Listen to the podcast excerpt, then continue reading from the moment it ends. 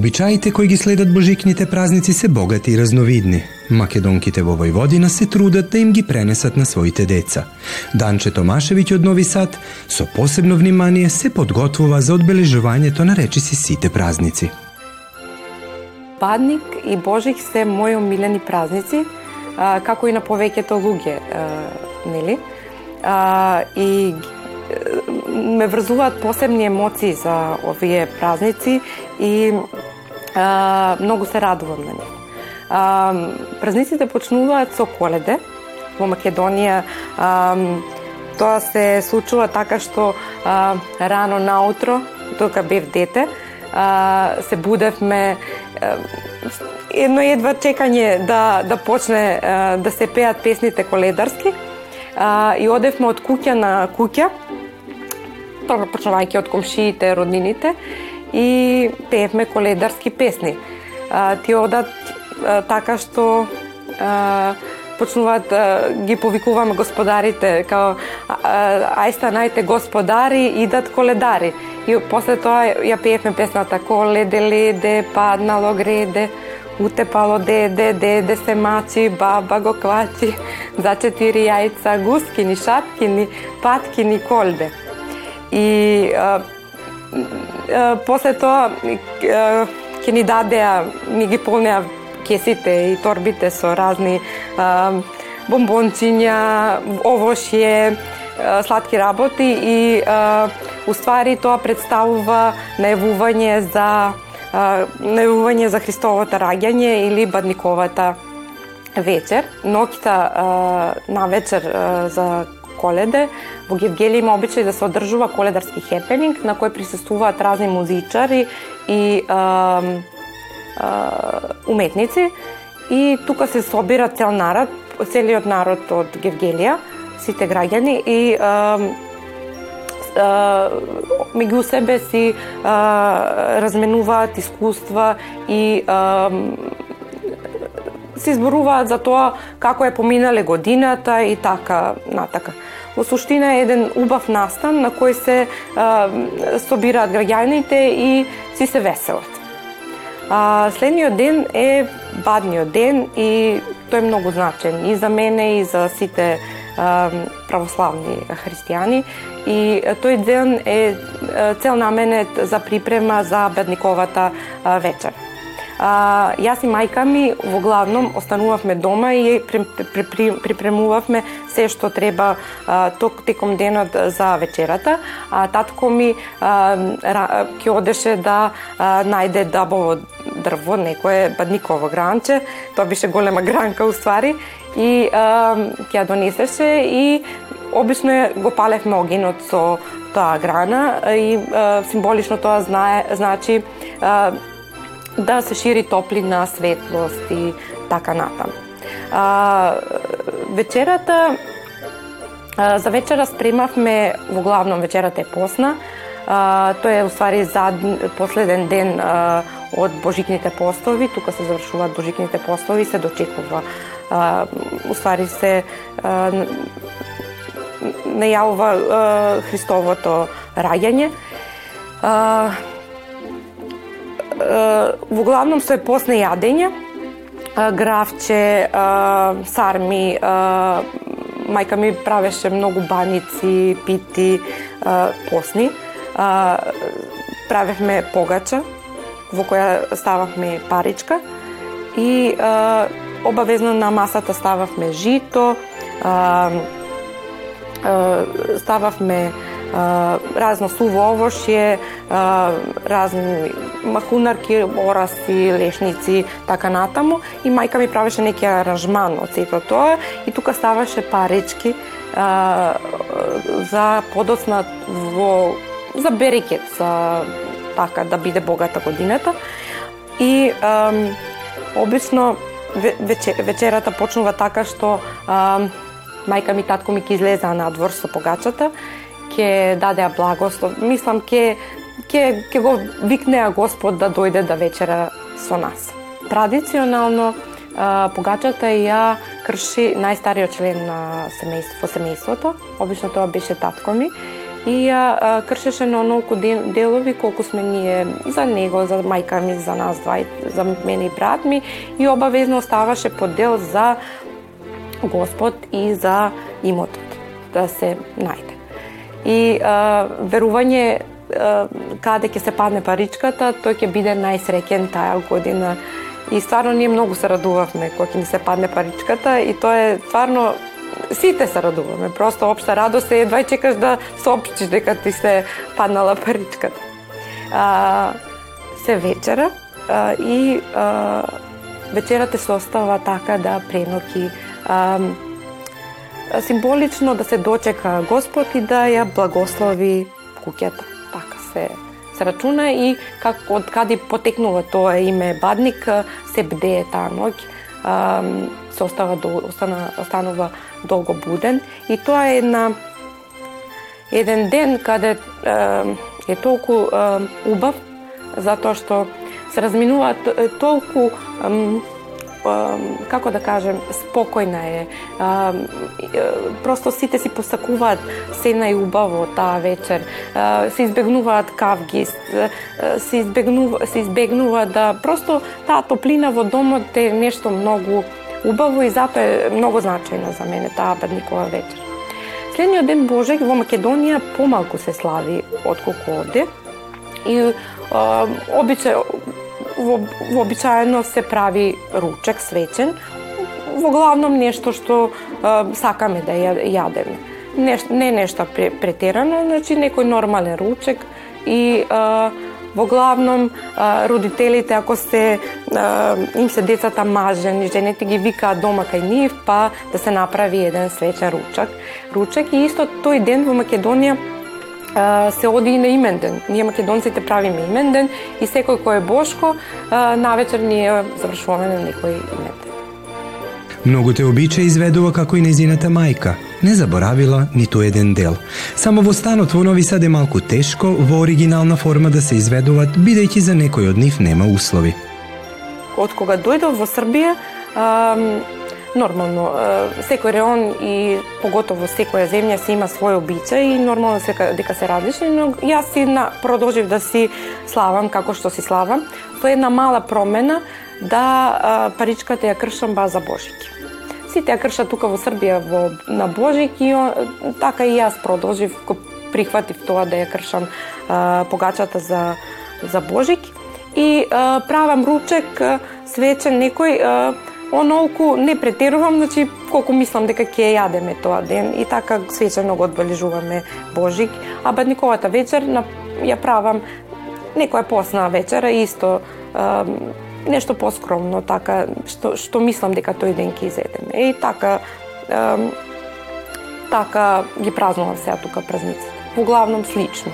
Не се прави во водина погача, се прави чесница, која е направена од суви тенки кори, а, се, измеѓу кои се става орев, ореви, суво грозје и измеѓу се става паричката и преко се става мед или а, прав шеќер, шеќер. И секој узима зема по дел и а, исто мислам дека понатака исто обичајот кој кога ќе се падне паричката, тој ќе биде најсреќен таа година и така. Во главном имаат некои војводан, војводински јадење како како што су како што су тесто со мак, со афион и тоа е тоа у суштини. Бадник и Божик со себе носат лепеза на обичаи верувања до кои се држале нашите предци и со посебно внимание ги изведувале – Овие празници ги следат многуте обичаи, кои таа од година во година изведувајќи им ги пренесува на своите најблиски. Моите дечиња многу се радуваат на а, новогодишните и божикните празници, почнувајќи од новата година, каде имаме обичај а, заедно да одиме на пазар, да пазариме елка, да ја купиме и да ја донесеме пешки од пазарот до дом. А, успут, а, попат они на сите им објаснуваат каде сме купиле елка, како ќе украсиме. Стварно е тоа еден доживљај за нив, за нив кој се претвара во едва чекање да се деси следната година. кога доаѓаме дома, после ја украсуваме елката, од украси кои е, се од нашите пра, пра баби, баби и така натака, и од украси кои ги правеле самите. Значи една шарена баш како што ми гледат. И а, а, се радуваат на доаѓањето на Дедо Мраз, а, се радуваат на поклоните, а, просто на целата еуфорија за нив е до, еден посебен а, доживлјај. Што се однесува за божикните празници, а, мислам дека прв пат потполно ќе уживаат во нив. А, Марко наполни 4 години и некако станува свесен за значењето на празниците. Јас му прераскажувам како јас ги поминував и како сега ќе правиме Бадникова вечер и Божик на трпеза и едва чека да да го кршиме, да ја кршиме погачето. За овој ден најважно е сите да се дома. Се што се подготвува за бадник има посебна цел и смисла и првиот ден на Божиќ има посебно значење. Празниците постојат за нас и заради нас. И празниците постојат за да нас спојат. И затоа ми се толку значени и ме врзуваат посебни емоции за, за празниците. Тоа се едни топли, убави моменти, полни со емоции, каде си посекуваме се најдобро. А, а, празници а, кои а, ги поминуваме со најблиските и стварно треба да сме захвални на та, тие, тие моменти. На сите гледачи на радио телевизија Војводина, ви посакувам срекни, срекна Бадникова вечер и срекни новогодишни и божикни празници. Ви посакувам многу среќа, здравје, љубов и една поопуштена година. Гледате палету. Избор из емисија на језицима национални заедница.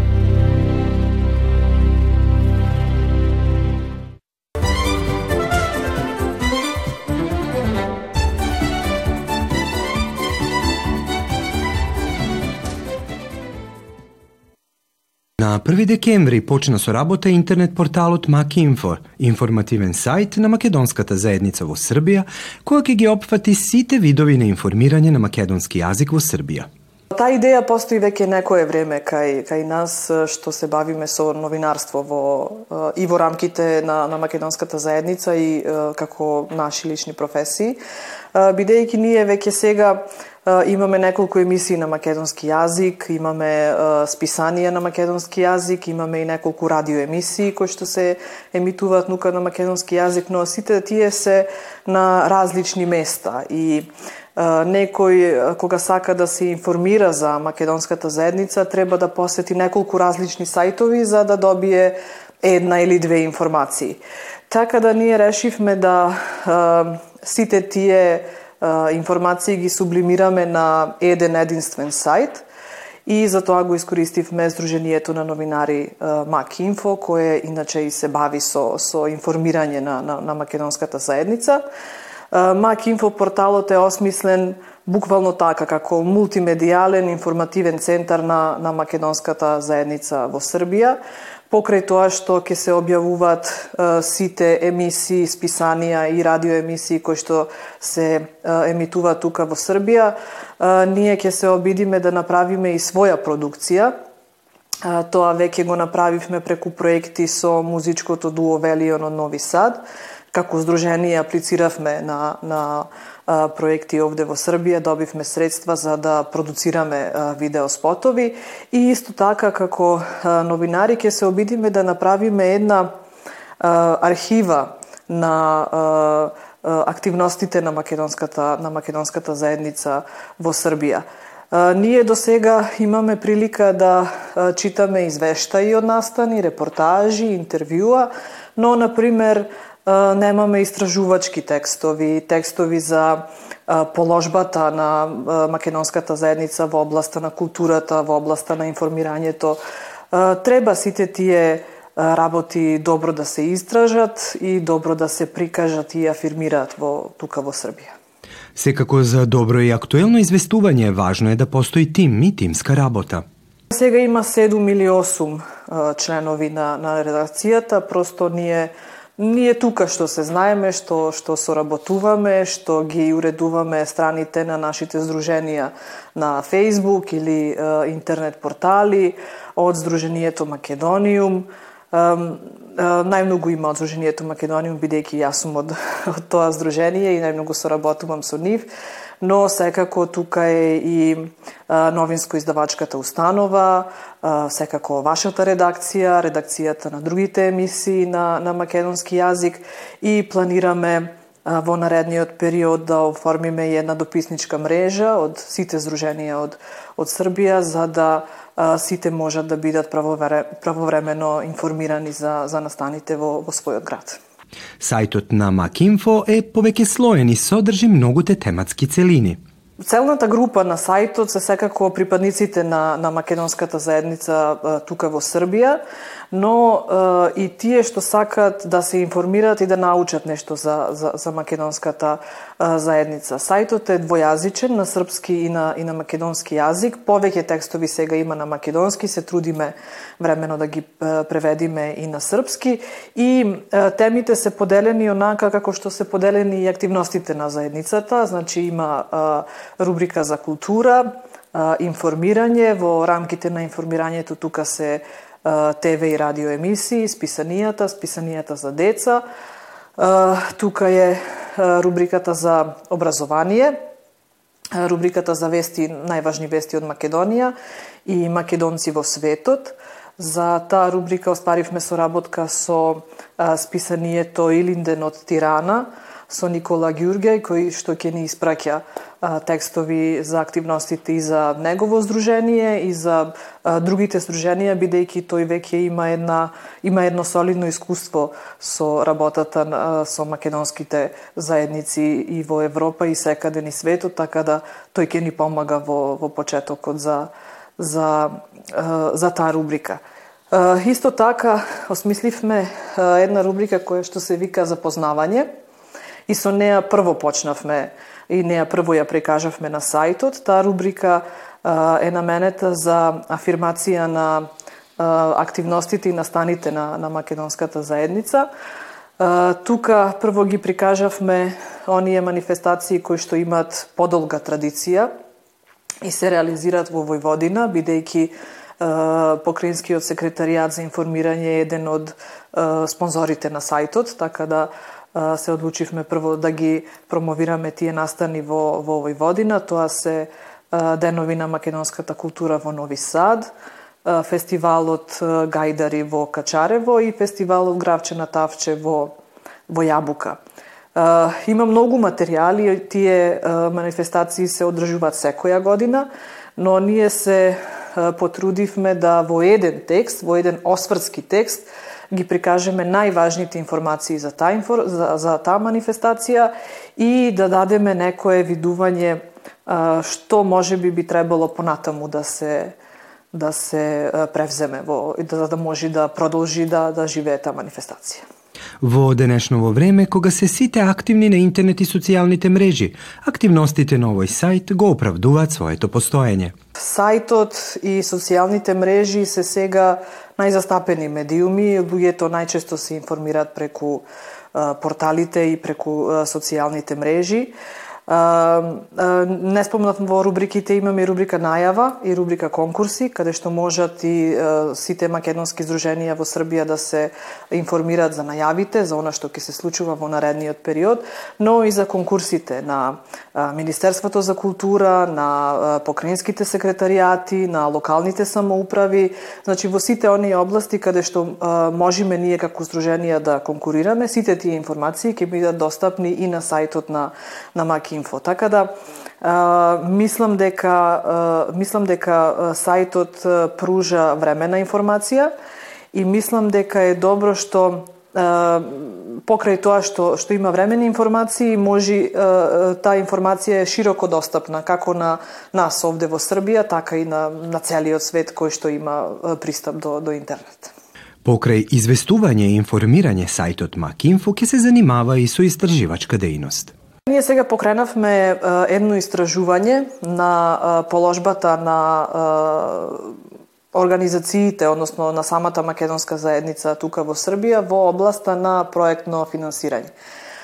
Бидејќи се користат доста конкурсите и ресурсите на, на Република Србија, на автономна покрајна Војводина, но е, мислам дека не се користат доволно ресурсите на локалните самоуправи, бидејќи тие дават, биде, исто така имат конкурси и во областа на културата и во областа на, на финансирањето.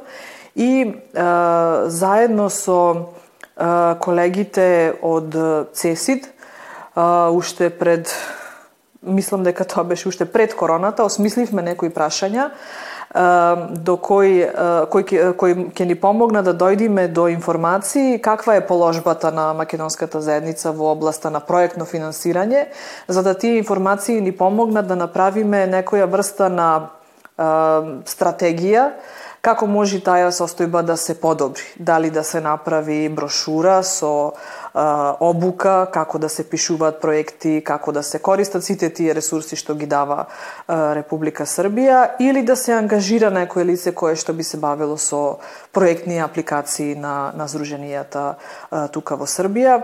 анкетата е исто така пуштена заедно кога беше пуштен и сајтот.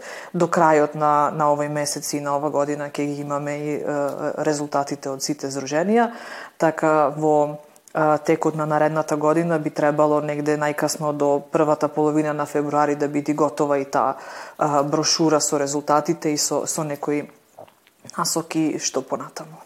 Со развивање на дописничката мрежа, покриеност на информациите ќе биде речиси од цела Србија. Им посакуваме плодна и добра соработка со сите македонски здруженија и асоциации.